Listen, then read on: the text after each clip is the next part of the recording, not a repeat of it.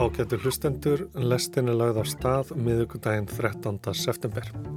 Í þættinum í dag heimaleikurinn, íslenska hambúrgararhrunnið og spiladósir. Ég heiti Snorri Rafn Hallsson.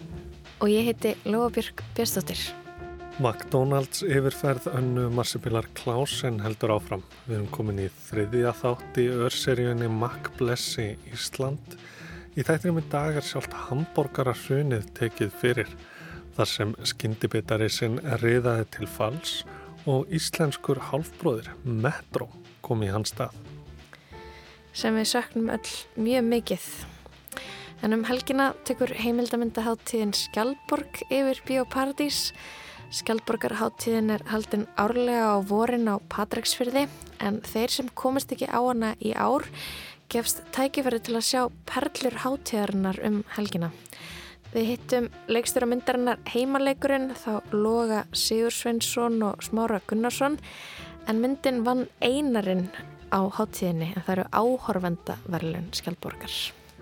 Já og sænski tónlistamæðurinn Martin Molín var það óvæntri YouTube-stjórni árið 2016 þegar myndband af sjálfspilandi hljóðfæri hans fór á flug. Eftir hugljómun á spiladósasafni í Hollandi var þann meira en ári í smíði vélarinnar en þegar hugmyndinum að fara í tónleikaferðalag kveiknaði þá þurfti hann að byrja upp á nýtt. En við ætlum að byrja á Hamburgurum. Í síðasta einslægi þessarar ör-serju hér í lestinni heyrðum við frá fyrrum starfsfólki McDonalds á Íslandi.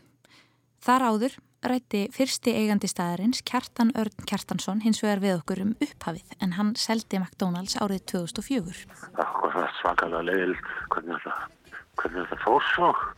En nákvæmlega hvernig fór og af hverju? Þetta er Makblessi Ísland.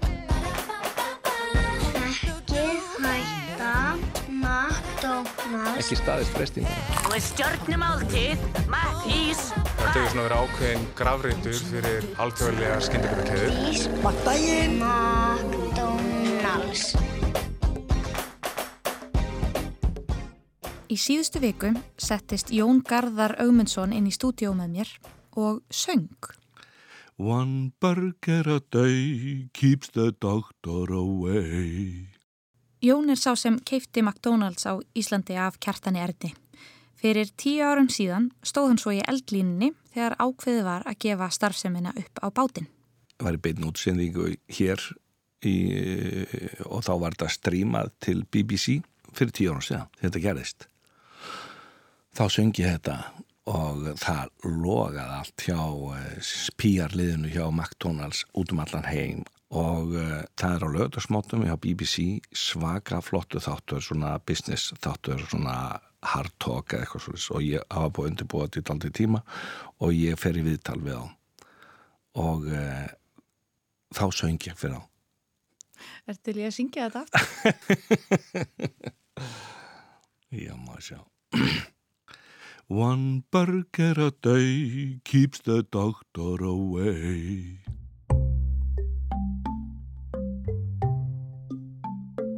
það logaði allt. Já, brottkvarf McDonalds frá Íslandi vakti heims aðtekli en spólum aðeins tilbaka og leifum Jóni að kynna sig. Ég hef bara verið að starfa í veiting að gera ansi lengi og uh, kefti McDonalds á sín tíma og síðan breytti ég í Metro og svo hafa, hef ég svona verið viðlóðanda þó ég verið aðri eigundur að því sendi tíð en það er einhvern veginn veitingagerinu þannig að maður kemst einhvern veginn aldrei frá þegar maður byrjar. Ertu ennþá viðlóðandi metro? Já, ég er svona alltaf aðstofað eitthvað af og til þó sé ekki að starfa þar dagstælega.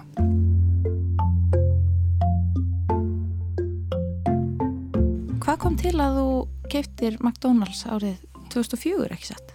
Já, það var til sölu og uh, mér fannst þetta bara rosa spennandi og sjá tækifæri í að vaksa í þessu og kifti bara batterið. Hafður verið mikill McDonalds aðdándi fram að þessu? Já, það eru allir McDonalds aðdándur. Þó sumi viðkennið ekki, en það eru allir. Eins og heyra má er Jón Garðar mikill aðdáandi McDonalds keðunar þótt leiðir þeirra hafi skilið fyrir margt lungu. Rétt eins og kertan settist hann á skólabekkum hríð í einum af McDonalds háskólinum og hann fekk verkþjálfun í útibúi McDonalds í Ranners í Danmörku sem hann segir einn þann besta McDonalds stað sinnar tegundar í heimi. Þar gekk hann í öll störf og naut sín vel en fljótlega fekk hann stormin í fangið. Hello, Yeah, could I get the double quarter pounder with cheese meal? Marcos Supersize. I think I'm gonna have to go supersize.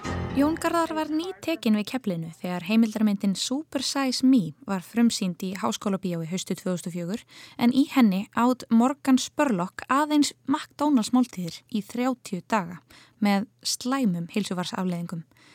Myndin þótti síst fjögur í hatt fyrirtækisins enda hafði hún áhrif á ræksturinn en býtu hvaða áhrif hafði hún? Já, jóksalan.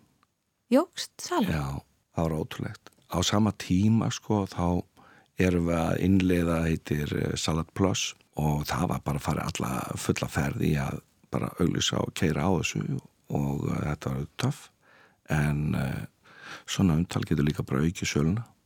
Það snýst um að vera með bílúi meir en 50% af sölunni er í bílúi og enginn er með mér hraða veist, og flottari þjónustu í bílúi eins og hefur verið á McDonalds og Metro. Og ég man ekki alveg með til okkar við vorum með 120 eða 30 bíla á klukkutíma.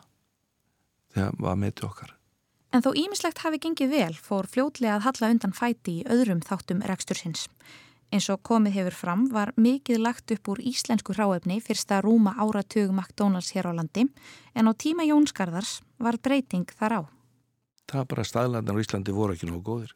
Við höfum ekkert um það að gera, að segja sko. Það er reglu að hafa sendt kjöt uh, til uh, uh, Þýskalands í test. Og íslenska nautakjötið það er svona smá lísisbræði ef þú smakkar það svona bara eins og rauðin en menn var alveg sáttið svo sem við það. En í kringum matalauðurki þá voru bara fyrirtækin hérna ekki tilbúin. Og ekki með kerfi fyrir ekjarleika og uh, græjur sem að gengu frá uh, ráöfnunu á þann átt að alþjóðlega fyrirtæki getur samþekta. Fólk heldur þetta sé eitthvað, hú veist, djók en það er það ekki og en það er, er fleikt áfram, það er mjög mörg fyrirtæki góð í dag og gætu líklega nálgast þetta en uh, líklega samt ekki í kjötunu. Segðu mig frá aðdraðandunum að hambúrgararuninu. Búm. Í hruninu þá gerist það að uh, gjaldmiðlinn römmulega hrínur þannig allt ráefni okkar það bara var svo miklu miklu miklu miklu dýrara en samkjörnisæðilana og við gátum ekki hækka verði eins og við hefum þurft að gera. Við vorum búin að ge gera þetta í daldinn tíma og uh, McDonalds kemur til okkar og er að skoða svona í hrunnu hvað, hvað ég er. Og þá voru við til dæmis með uh, svona rekstra lán, var ekkert svo sem hátt en það hafði stökkbreyst það var einn hlutin að því en stór hlutin var bara reksturinn að allt þetta innflutta var svo dýrt. Og uh, þeir voru búin að benda okkur á að hugsaðlega þýrstu við að, að hætta en við endalur stæltum peninga í, í þetta og uh, svona stolt og vildum halda áfram og búin að sína fram á svona útreikninga frá Sælabankanum að íslenska krónan myndir nú laga svona og svona og, og á þessum tíma og þessu við okkur bara blákalt Jón, við trúum ráðgjöfum okkar sem eru að tryggja gjaldmiðla út í heimi og þeir segja að þetta sé ekki rétt hjá Sæðlabankan þetta verður ekki svona. Og uh, það var svona doldið sko högg að uh, fá það í andliti að þeir myndi ekki trúa á að þetta myndi laga svona rætt og, og með uh, krónna og við erum búin að dæla í þetta peningum endalust til þess að halda þessu gangandi og tapa okkur einasta degi í marga mánu og ætluðum alltaf að ná þessu náttúrulega bara upp. Og uh, þetta er bara vertíð sem hafi klikkað og uh, myndi bara nást en uh, svo bara uh, hérna uh, sáum við fram á það við myndum aldrei ná því Heyrum aftur í Kristínu Loftsdóttur, mannfræðingi sem skrifað hefur um McDonalds á Íslandi. Það er mjög áhugavert að þegar McDonalds lokar þá er í raun næstuði upp á dag eitt ár frá runnu og ég held að það sé mjög mikilvægt að við getum í raun ekki skili lokun McDonalds í einhverju öðru samhengi heldur en andrúslofti sem var þá í íslensku samfélagi og hér er ég ekki endilega að segja að McDonalds hafi lokað út af því að uh, hruni gerðist. Það eru mjög margt annað sem spilað inn í. Lokun McDonalds uh, var eiginlega eins og tákgræn fyrir þá þessa veiku stöðu Íslands í alþjóðsamfélaginu. Rétt eins og opnunin hafði verið táknum að vera hluti á svona nattrænu samfélagi sem var þá að, að verða sterkar og sterkara að þá fyrir marga endur speiklaði McDonalds bara næstu eins og við höfum dottið út af heimskortinu. Og í mínu rannsóknum skoðaði ég bæði bloggumræðu í tengslu við lokununa og líka í viðtölum við einstaklinga þar sem að ég var svona að tala um þessi eftir hunds ár að þar kom ég aðeins inn á McDonalds. Og mér fannst mjög áhugavert að fyrir marga þá var þetta ekki endilega spurningum að missa af þessum hambúrgunum þetta var spurning einmitt um þessa tákgrænu stöðu. Eins og einhver eh, orðaði það við erum ekki lengur þjóð meðal þjóða. Einhver annar orðaði þannig erum við að fara e, 15 ár tilbaka í tímanum? Eða bara að fara að geta hrútspunga og slátur eða eitthvað þýnilegt auðvitað er fólk líka að grínast sko en maður sér samt þegar maður dregur þess að þræði saman að þetta var sásökafull á marganhátt og kannski líka til að gera það ennþá verra því nú hefa Íslandinga verið mjög upptegnir í mjög langan tíma því sem að, miðlar ellendis eru að fjalla um hvað var þar þjóðuland og þegar McDonalds eh, lokar eins og margi kannski muna eftir að þá verða þessar löngu raðir þar sem fólk er að reyna að fá hérna nota seinasta tækifærið allavega Íslandi að fá sér McDonalds og þetta vakti mikla aðtikla ellendis. Það var auðvitað ellendis mikil áhuga á Íslandi í kjölfarhunsins og hvernig lókun var eh, svona römmuð innsvöldið af þeim sem stóða fyrirtækinu sem enn eitt fórnalampið af hruninu. Ég held að það hafi líka spilað inn í og, uh, og sumir ellendi fjölmilar þeir svona uh, sögðu e eitthvað eins og já, nú er bara Ísland eins og stríðshrjáð land en mörg stríðshrjáð land þau hafa í raun og veru líka uh, hafa McDonalds. Þannig að þetta var svona líka eins og bara snúa nýpnum í raunni í, í, sárinu. Þetta var svona eins og enn einn íðurlæðing Við erum ekki bara búin að vera uh, út um allt í alþjóðlegum fjölmjölum út af hrun í bankana og, og, hér, og í raun bara gjaldröti í íslensku þjóðarinnar heldur núna bara bætist og ná þetta að það er ekki einu sem hægt að reyka veitingastað hérna. En við kjum aftur að Jóni. Hann segir að McDonalds móðurskipið hafi í raun sett honum stólinn fyrir dyrnar en einnig hjálpað honum. Fremur hann að hætta alveg með veitingarekstur hafi orðið úr að hann stopnaði nýjan stað íslenskan bróður McDonalds, Metro.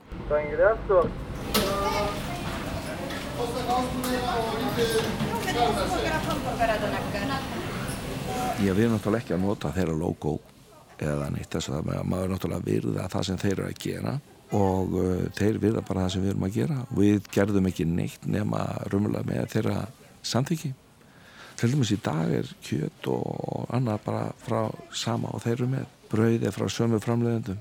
Frá Þýskalandi? Já. Forsendan fyrir því að breyta McDonalds í Metro svo að það var of dýrt að kaupa ráefni erlendis frá virðist því ekki til staðar lengur og kannski var það líka þægileg einföldun. Miða við það sem Jóngarðar segir kemur ráefnið nú frá sama framleiðand á áður og er þannig kannski bara nákvæmlega eins og McDonalds. Raunar var íslenska ráefnið ekki notað sérlega lengi. Til að mynda gekk ítla að nota íslenskt brauð þar sem það þöldi ekki pökkun. Varð vassósa.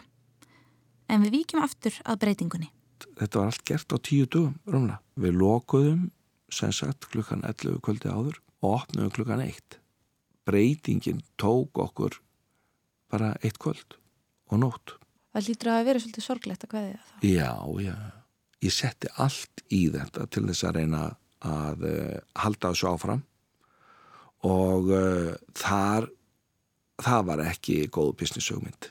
Enda þótt umskiptin hafi gengið vel, spilaði Jón ekki vel úr öllum sínum spilum.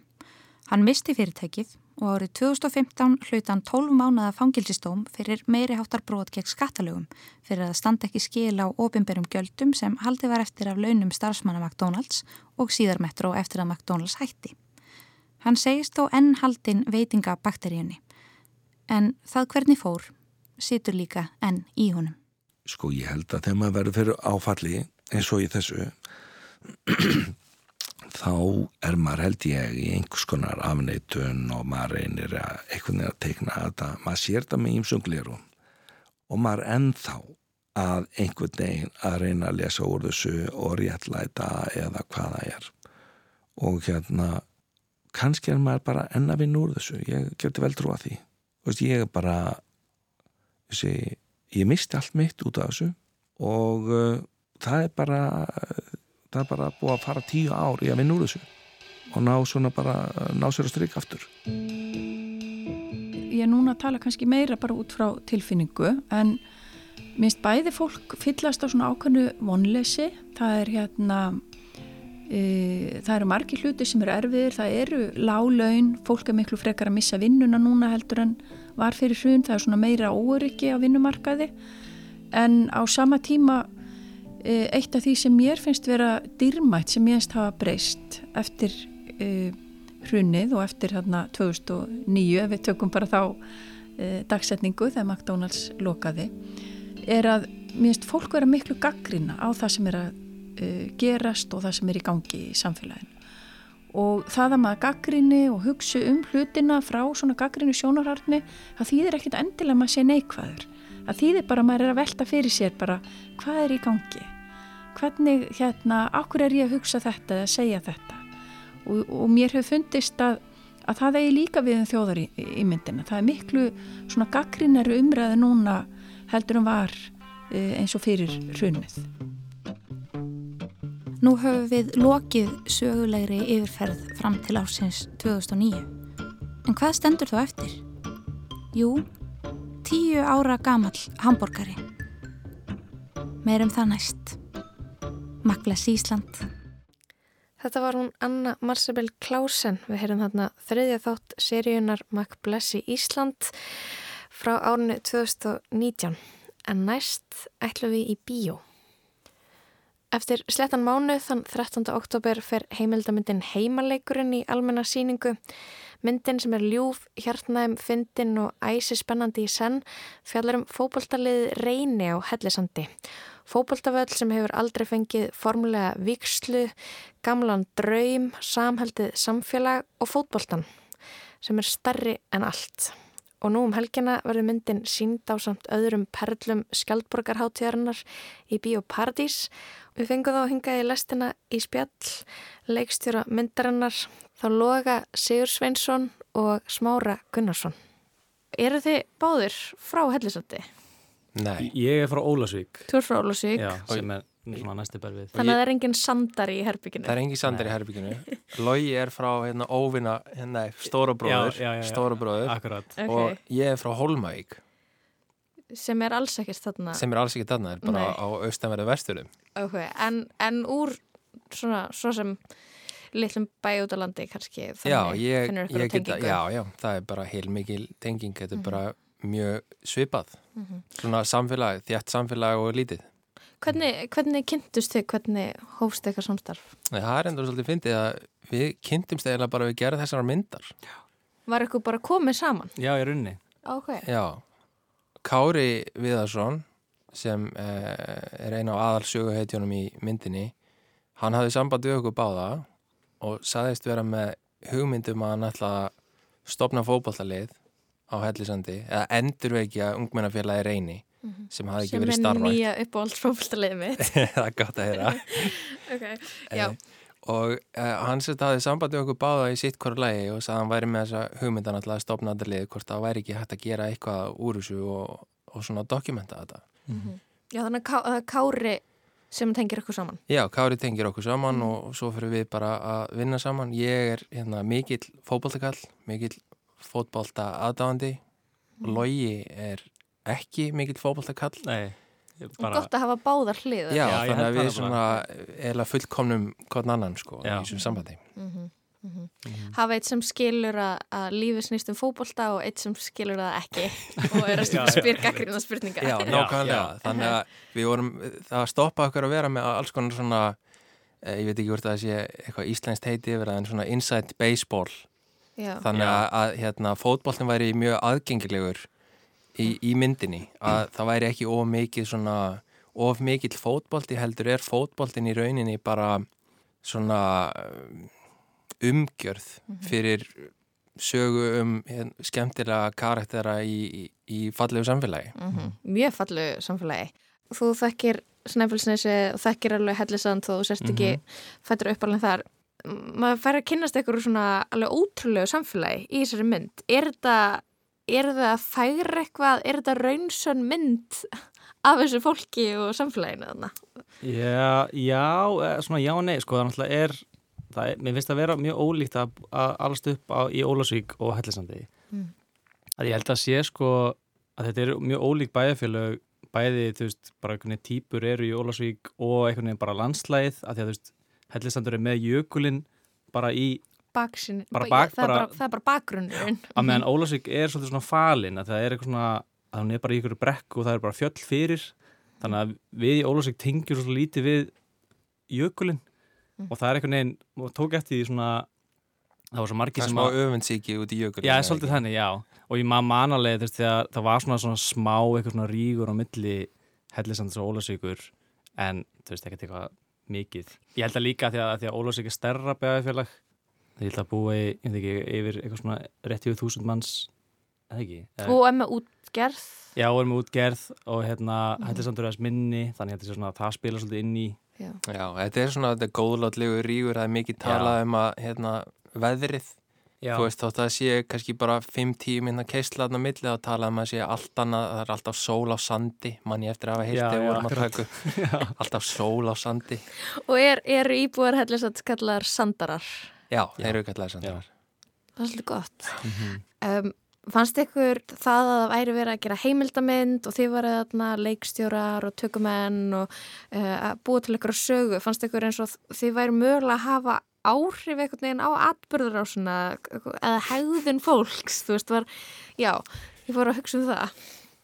Nei, ég fann allavega aldrei fyrir því að við varum að hafa áhrif á uh, Kári náttúrulega var að stopna fókbáttalið og þeir voru með skýra stefnu að þeir ætluði að reyna að ná einum leik á þessum velli sem pappans létt byggja fyrir 25 árum síðan sem að hægur reyni aldrei verið spilað á allavega ekki af ungmennafélaginu reyni. En þeir fengu aldrei þannan viksluleik þegar þeir byggu til völlin og því að þeir skráðu sér í mjölkubyggarinn hann að 90 og eitthvað 94 Já, ja, völlur á byggðu 94 þið skráðu sér aldrei 96 Já. Já, og þeir skráðu sér í mjölkubyggarinn og eins og allir vita þá er náttúrulega bara dreyið heima og að heiman og þeir fengu útileik og dróðist gegn golfklubbi Grindavíkur sem er vist bara geggja fókballalið sem er náttúrulega geggja lið og þeir töpuð hefum leik 10-0 og duttu út úr byggakemni og náðu aldrei spila Já, bara trámað frá þessu þá bara. Já, bara hætti liðið og en, en semst planið á Kára var alltaf að ná þessum eina leik mm. þannig að ég held að að kamerunir hafi verið að hafi í rauninni ekki breytt neinu varandi það. Nei, emitt. Um, en Kári er náttúrulega sjálfur uh, Kári Viðarsson sem að hérna, um, reykur uh, fríser eða fristiklefan á rif.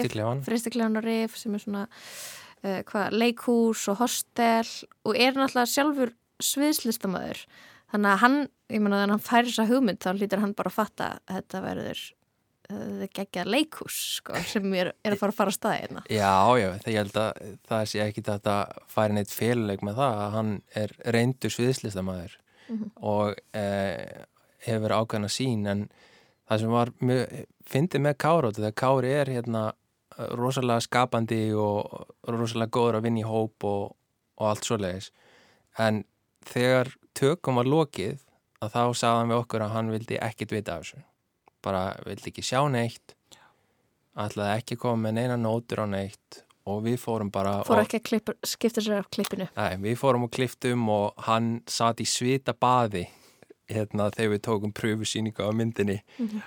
og var bara hérna hann var ekki búin að sjá neitt Ég held að hann hafi talað um að hann, hann þýrst að fara að kíkja til sálfræðings eftir þessu síningu þetta því að Já. það var svo mikil hérna geðsræning það var svo Já, bæði gleði Já.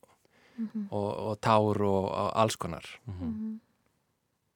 en hann hérna basically leið okkur að hérna að að búa til mynd um þetta ævintýri sem að hann og pappans og vinnir hans þarna á hellisendi lögðu í Þengu allir að koma inn á, það er Viða Gilvarsson, allir fá að vera með. Ímið fyrir bætingu er tölum. Allt undir tíu nú er skrifið rétt á. Við erum að reyna að búa til lið úr efni við sem eru menn sem að margir hverjir hafa ekkert verið að gera í, í mörg ár. Við erum að reyna að vera með hérna, freytis í liðinu, hún er að æfa. Já, auðvitað. Ég veit að ég er óluleg því að stelpur mig ekki spila með strákum. Þá verð ég að segja nei. Ég er ekki að fara að tapa fyrir okkur leiknum. Og það var kannski með það sko að, að fólk vildi taka þátt og vera með, það hafði ekkert að gera með eitthvað svona, herru já, ég ætla að vera með í svo skemmtilega mynd, það er bara, herru ég ætla, ég vil leggja drömnum hans kára lið, það hefur kannski verið frekar svona tókkrafturinn Já, og því, ég menna það, það, það var svo margt sem gerði, það var gerst, það, það, var sami lag, stuðningslag, veist, er það samið svo að það endi myndinni eða er þetta bara út af því að allir vilja vera með Sko, og hjálpa? hefur þú komið í fristiklefan, hefur þú séð eitthvað svona Nei, ég er búin að vera leiðinni mjög lengi en Ok. ég hef ekki komið. Svona aðeins til að gefa þér smá svona samhengi er að sköpunin sem á sér staðarna og þetta leikú sem er líka hostel og þú veist tónlistar, venju og allt það þetta er, þetta er bara, þú finnur þetta hverki annar staðar í heiminum. Á svona litlum stað gæðin af listum sem eiga sér staðarna og það smitar út frá sér og bæði Kári og Viðar pappans að það er eh, einhver hérna, óutskýranleg orka í kringum á að það vilja bara allir vera með. Bara fólk svífur með þeim.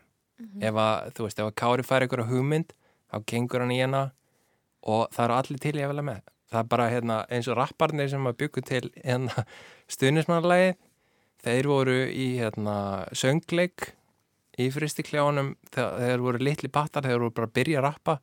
Svo unnuð er hérna hvað er hérna rappkeppnin sem er alltaf hérna, rýmnaflæði unnuð það, þú veist Kári gaf þeim fyrsta tækifæri sitt þegar voru bara 8 á 9 og þau röppuðu ykkur í síningu Að fá eitthvað svið. Já, að fara upp á Mhm, svið mhm. og þessi strákar, þú veist, segir strákar þeir eru konu með bílpróf núna en þú veist, við sjáum það ennþá sem bara, þú veist, þessar litlu strákar sem kom og röppuðu um 17. júni þegar þeir voru fyrst að koma fram Mhm.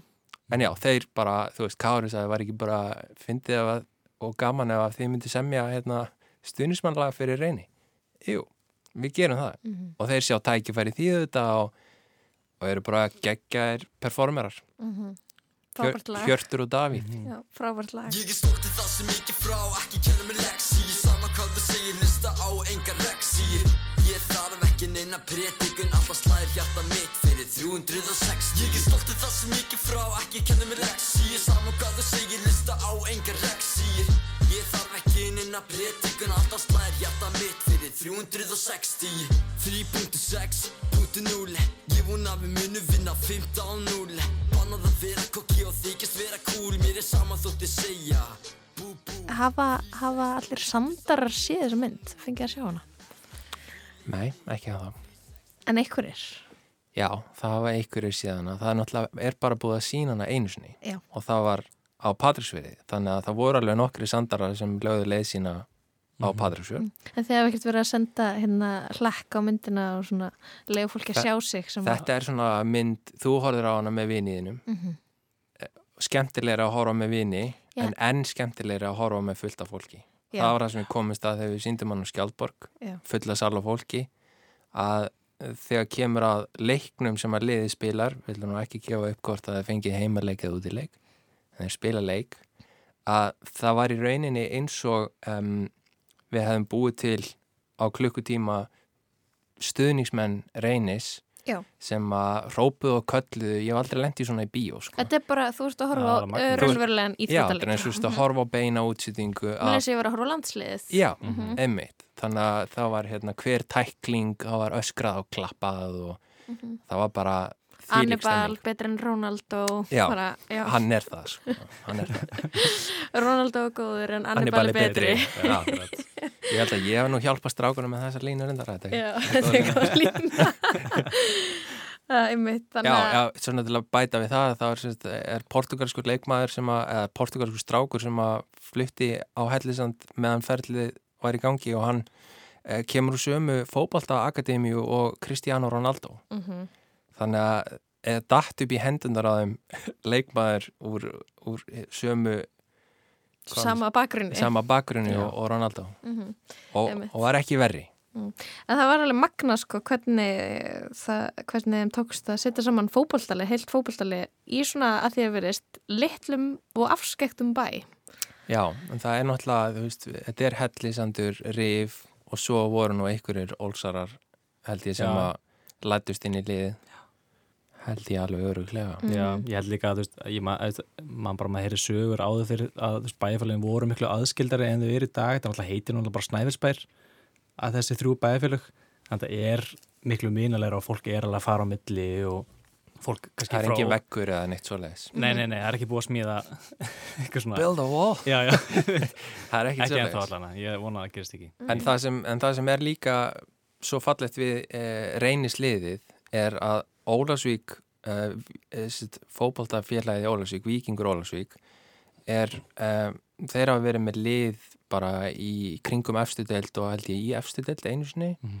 bara ekki, ekki fyrir löngu síðan og það hafa verið svona leikmenn sem hafa komið og spila fyrir viking úr bænum og erlendis frá og það hafa kannski ekki verið jafn mikil tækifæri fyrir uh, yngri strákarna sem hafa verið að, að ganga upp í meistarflokk og fá tækifæri þar mm. og með, í þessu liði reynis var mikið af ungum strákum sem hafði ekki fengið tækifæri hjá vikingi Út af því að það er svo að það er, Já, sta standardin var herri mm -hmm. en það gleimi stundum að fótbolti er líka bara félagsstarf að vera partur af liði, hitta vinina og allt þetta sko. Samvera og vináta Vináttan mm -hmm.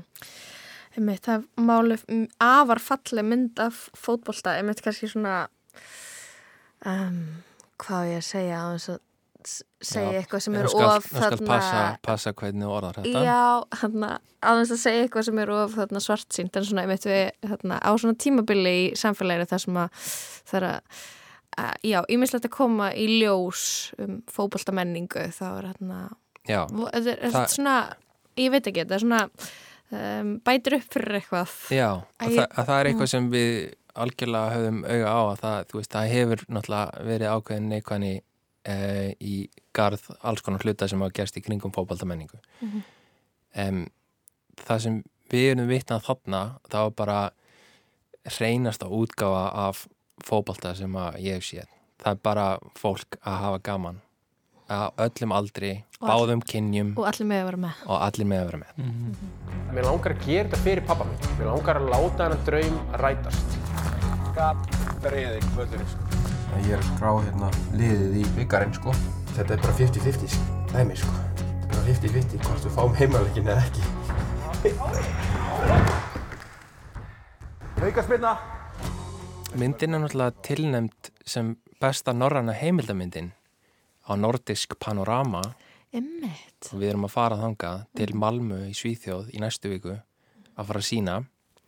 Það verður forveitinlega að sjá hvernig hún er annars þær heldur en á Íslandi. Já, það verður mjög forveitinlegt. Mm. Við reyndar ennú búin að vera duglegar að sína svona röfkvöttamyndinni eh, til þeirra sem við þekkjum sem eru erlendis, bara svona til að sjá hvernig hún virkar. Mm -hmm. eh, ég er ekkit svaklega stressaður. Ég held að ef fólk nennir að lesa texta, að þá, hérna, þá held ég hún virki alveg sko. En hérna, Nordisk Panorama, þau voru svo svaklega spenta, þau voru að fara að fá að sína þess að fá að vera með svona international frumsýningu myndarinnar að þau skipulögðu fótballaleik Já, það?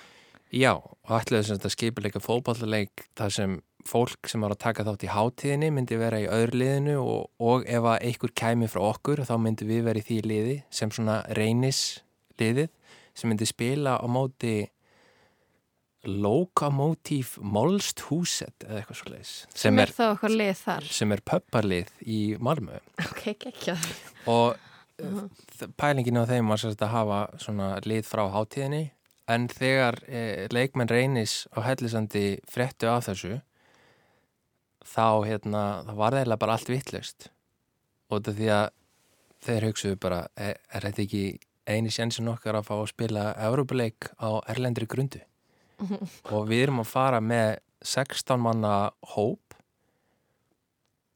frá, Ókei. frá liðir einis sem eru að fara að keppa þennan Európa-leik sem fer fram uh, á eftir síningun okkar á Nordics Panorama Kekjað, byrju, hver, og hvernig er Nordisk Panorama?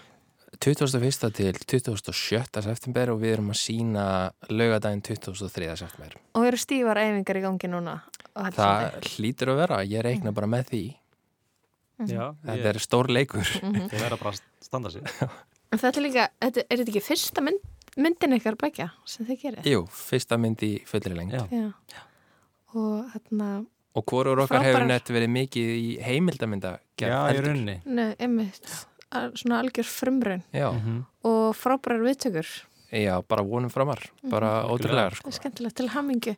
Takk, Uh, smári, logi, til hamingju með heimaleikin. Takk fyrir komuna í lestina og góða skemmtin í Svíþjóð. Takk hjá fyrir Bú bú 360 Hellisandin er on nú UMF ekki því leini 360 allir saman nú Já, en þá tökum við krók að spiladósum.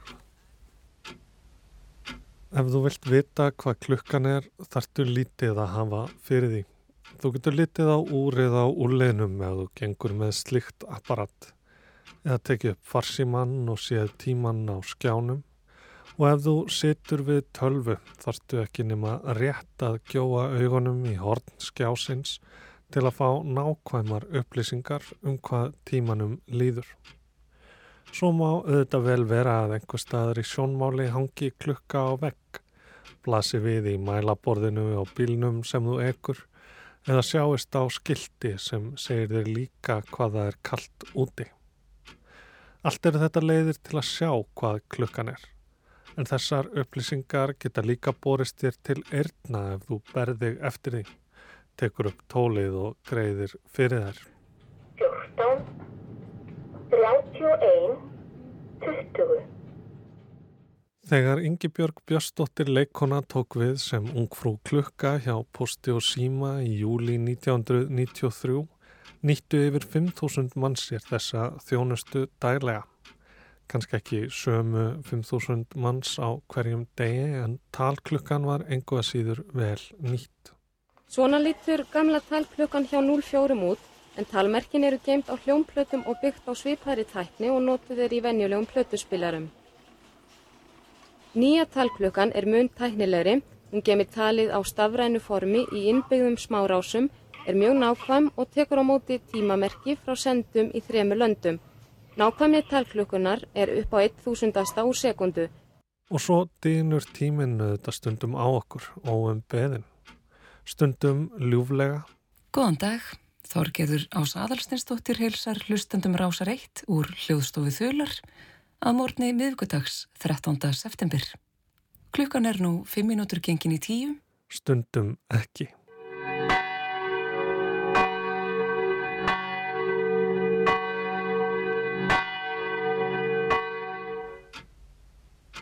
Heimilisklukkur líktu eftir kirkjuklukkum, letu í sér heyra og það voru tveir þýskir uppfinningamenn sem fengu þá hugmynd að koma litlum bjöllum og ennþá smærri hömrum fyrir í úrverki til að búa til fyrstu sjálfvirku tónklukkuna.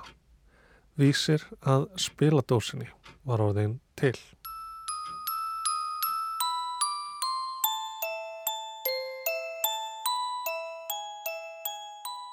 Talið er að fyrsta spiladósin eins og við þekkjum hana hafi verið fundin upp 1770 eitthvað í Sviss.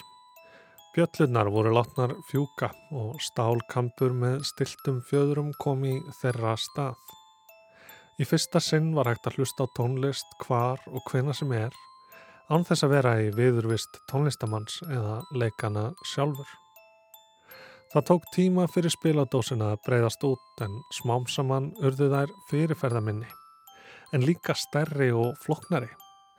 Sívalningurinn var það skífu sem hægt var að skipta út, Sumir bættu við bjöllum og trommum til að fá fjölbreyttari hljóm og rétt fyrir aldamótin 1900 var píanólan fundin upp.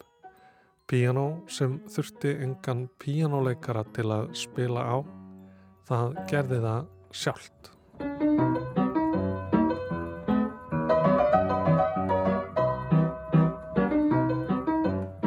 Píanólan náði þó nokkrum vinsældum en eins og með spiladósina var það plötuspilarinn sem var þenni að falli. Það breytti öllu þegar hægt var að taka upp lifandi tónlistaflutning og endurspila.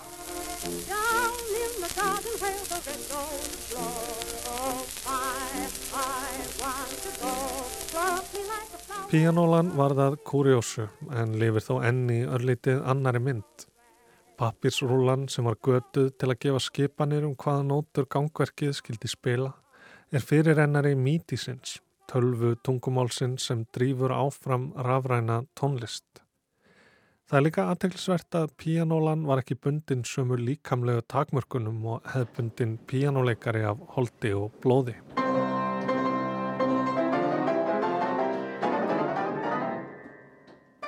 Circus Gallop frá 1994 eftir kanadíska tónskáldið Mark Andrei Hamelin gerir út á þetta. Notar tónbeil sem engin manneskja getur spilað, stundum hljóma 15 nótur í senn.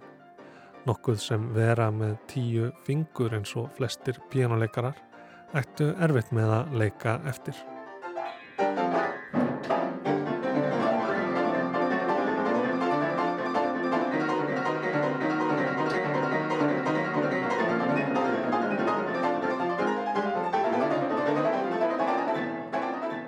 Circus Gallop er uppafið að Black Midi, tónlist sem leikin er af tölvu á píanohermi, miljón nótur á mínútu, bókstaflega.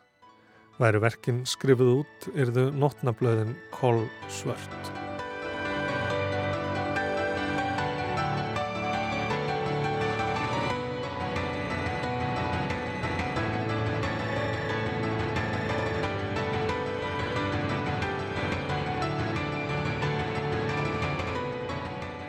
Þetta er einátt sem spiladósin fór í, inn í tölvuna og út í öfgar.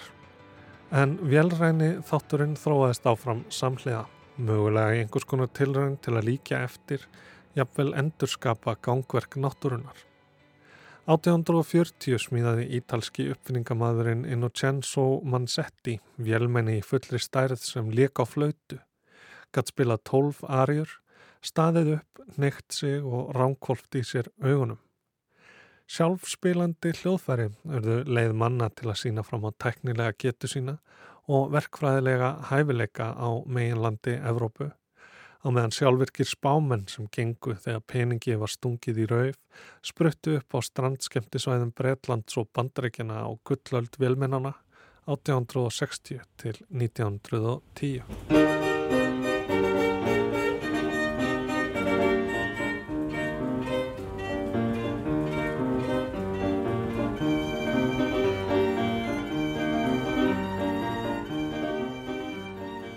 Lengst af hefur þessari hefð verið haldið til haga á þartilgerðum kúriósu söpnum á jæðrinum, leifar af hornum tíma. Ég hefast um að mörg okkar hafi séð píanólu með eigin augum, hirt gangverkið tefa og orðið vittni að notnaborðinu takast á hreyfingu af sjálfstáðum á meðan tónlistin hljómar. Upptökutæknin er líka lungu búin að gera slikar græðir úreldar og óþarfar. Öll tónlist er alltaf innan selingar ef við berum okkur eftir henni.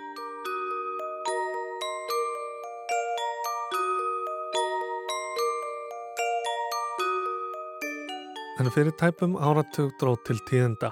Martin nokkur Molín, sænskur tónlistamæður sem hafi gert það gott með hljómsveitsunni Detective Bureau, spæjarastofinni, var komin í nýja hljómsveit, Vintergatan. Hljómsveitin hafði heimsótt spiladósasafnið í útrekt og þar varð Martin fyrir hugljómun.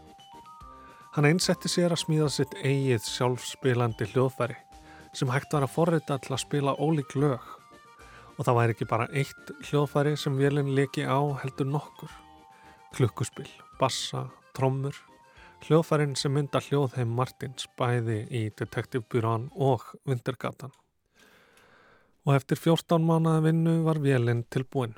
Handknúin eins og hefbundin spiladós. 3000 íhlutir, 2000 kúlulegur sem ferðast um hjól og brautir og framkalla tónana. Vélina eða hljóðfærið, eða jafnvel hljómsveitina, kallaði Martin Marble Machine og afhjúpaði á YouTube rás Vintergatan 2. mars 2016.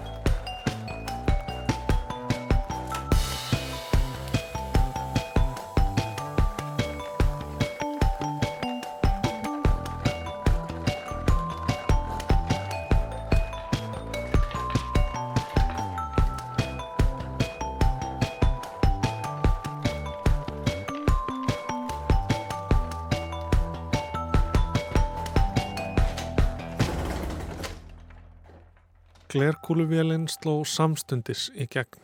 Miljónir horfðu á myndbandið. Fyldust með því hvernig krossviðar gýratnir snérust. Legokuppar hliftu kúlunum af stað í ringgrás þar sem þeir fjallu á vibrafón, bassa og trómur. Martin half dansar við vélina sína á meðan hann snýr handfanginu, slær nótur á bassan. Svo stoppar hann hana. Leikur á hana handvirt knýr hana aftur af stað og gengur loks burtu frá henni á meðan orkan og hreyfingin þverra hægt og rólega.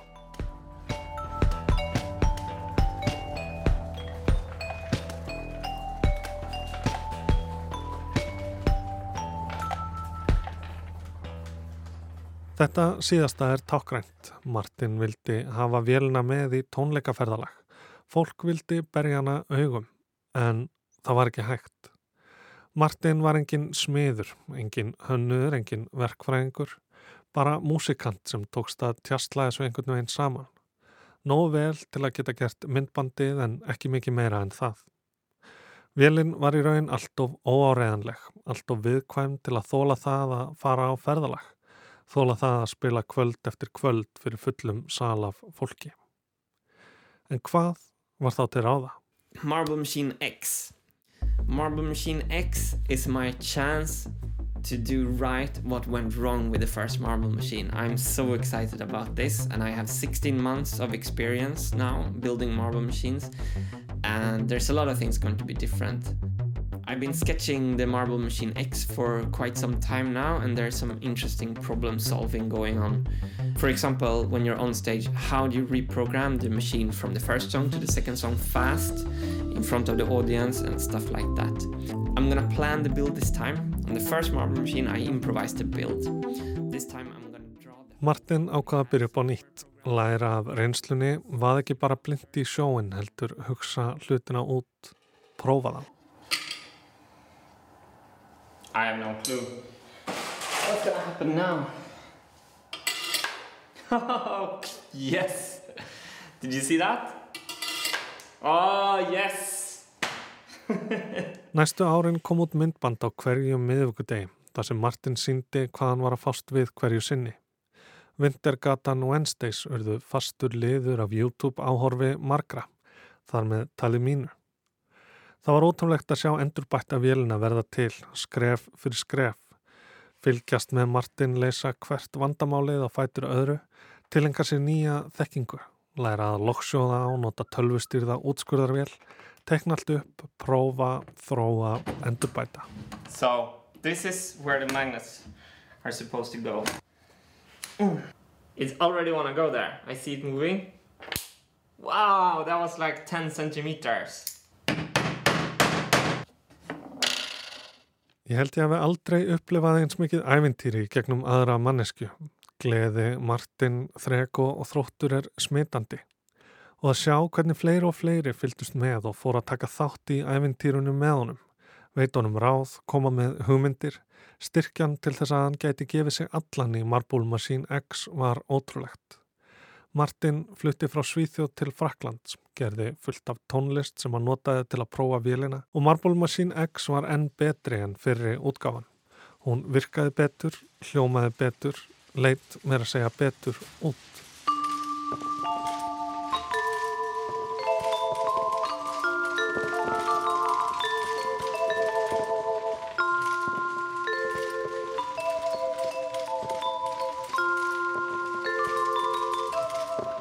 Eftir fjögur ár tilkynnti Martin að það væri komið gott. Marble Machine X stóðst ekki vendingar.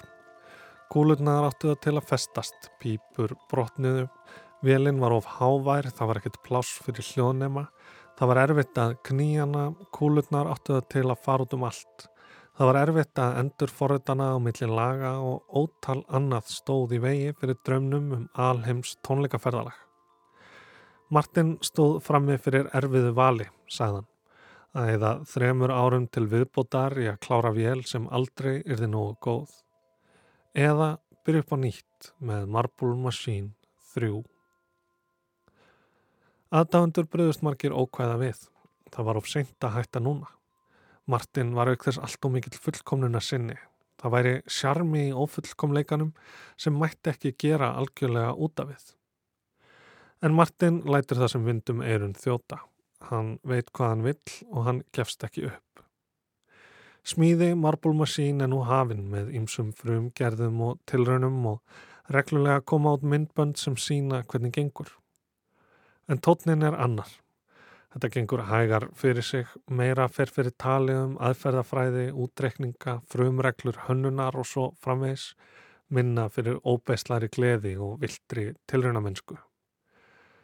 En það breytir því ekki að mörg hundruð þúsund okkar fylgjast spennt með í hverju viku. Það var kannski ekki of seint fyrir Martin að hætta við Marble Machine X á sínum tíma. En það er orðið of seint fyrir okkur að hætta að fylgjast með honum. Hætta að halda með honum sama hvað. Þó manni finnist hann stundum vera á algjörum villigötum að pæla einhverju sem kemur tónlistinni ekkert við ganga allt of langt í þráikisunni eftir fullkomlega taktvísri vel svo langt að hann gekk sjálfur úr skugga um að þingdaraflið sé fasti í nýjasta myndbandi. Is gravity really a constant force? I wanted to find out for myself, so I built this machine. Let me show you how it works. When I push this lever here, I'm lifting my suitcase here, which is filled with metal, so it's kind of heavy. En hvað sem því líður þá get ég ekki hægt að horfa. Ég held ég skilji í fyrsta sinn hvernig það er að halda með íþróttaliði, sama hvað.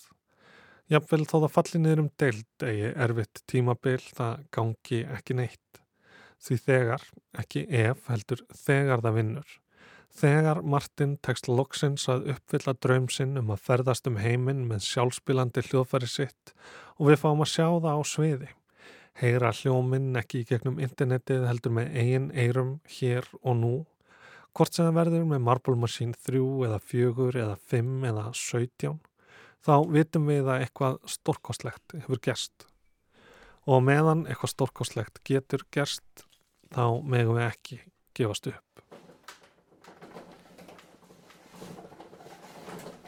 Hægt er að fylgjast með æfintýrum Martin Molín og Marble Machine 3 á YouTube rásinni Vintergatan. En við snorri og Lóa þakkum samfélgina í dag. Við verðum inn hérna aftur á morgun á sama tíma. Tæknumæður var Lidja Gretastóttir. Þangu til næst. Verðið sæl.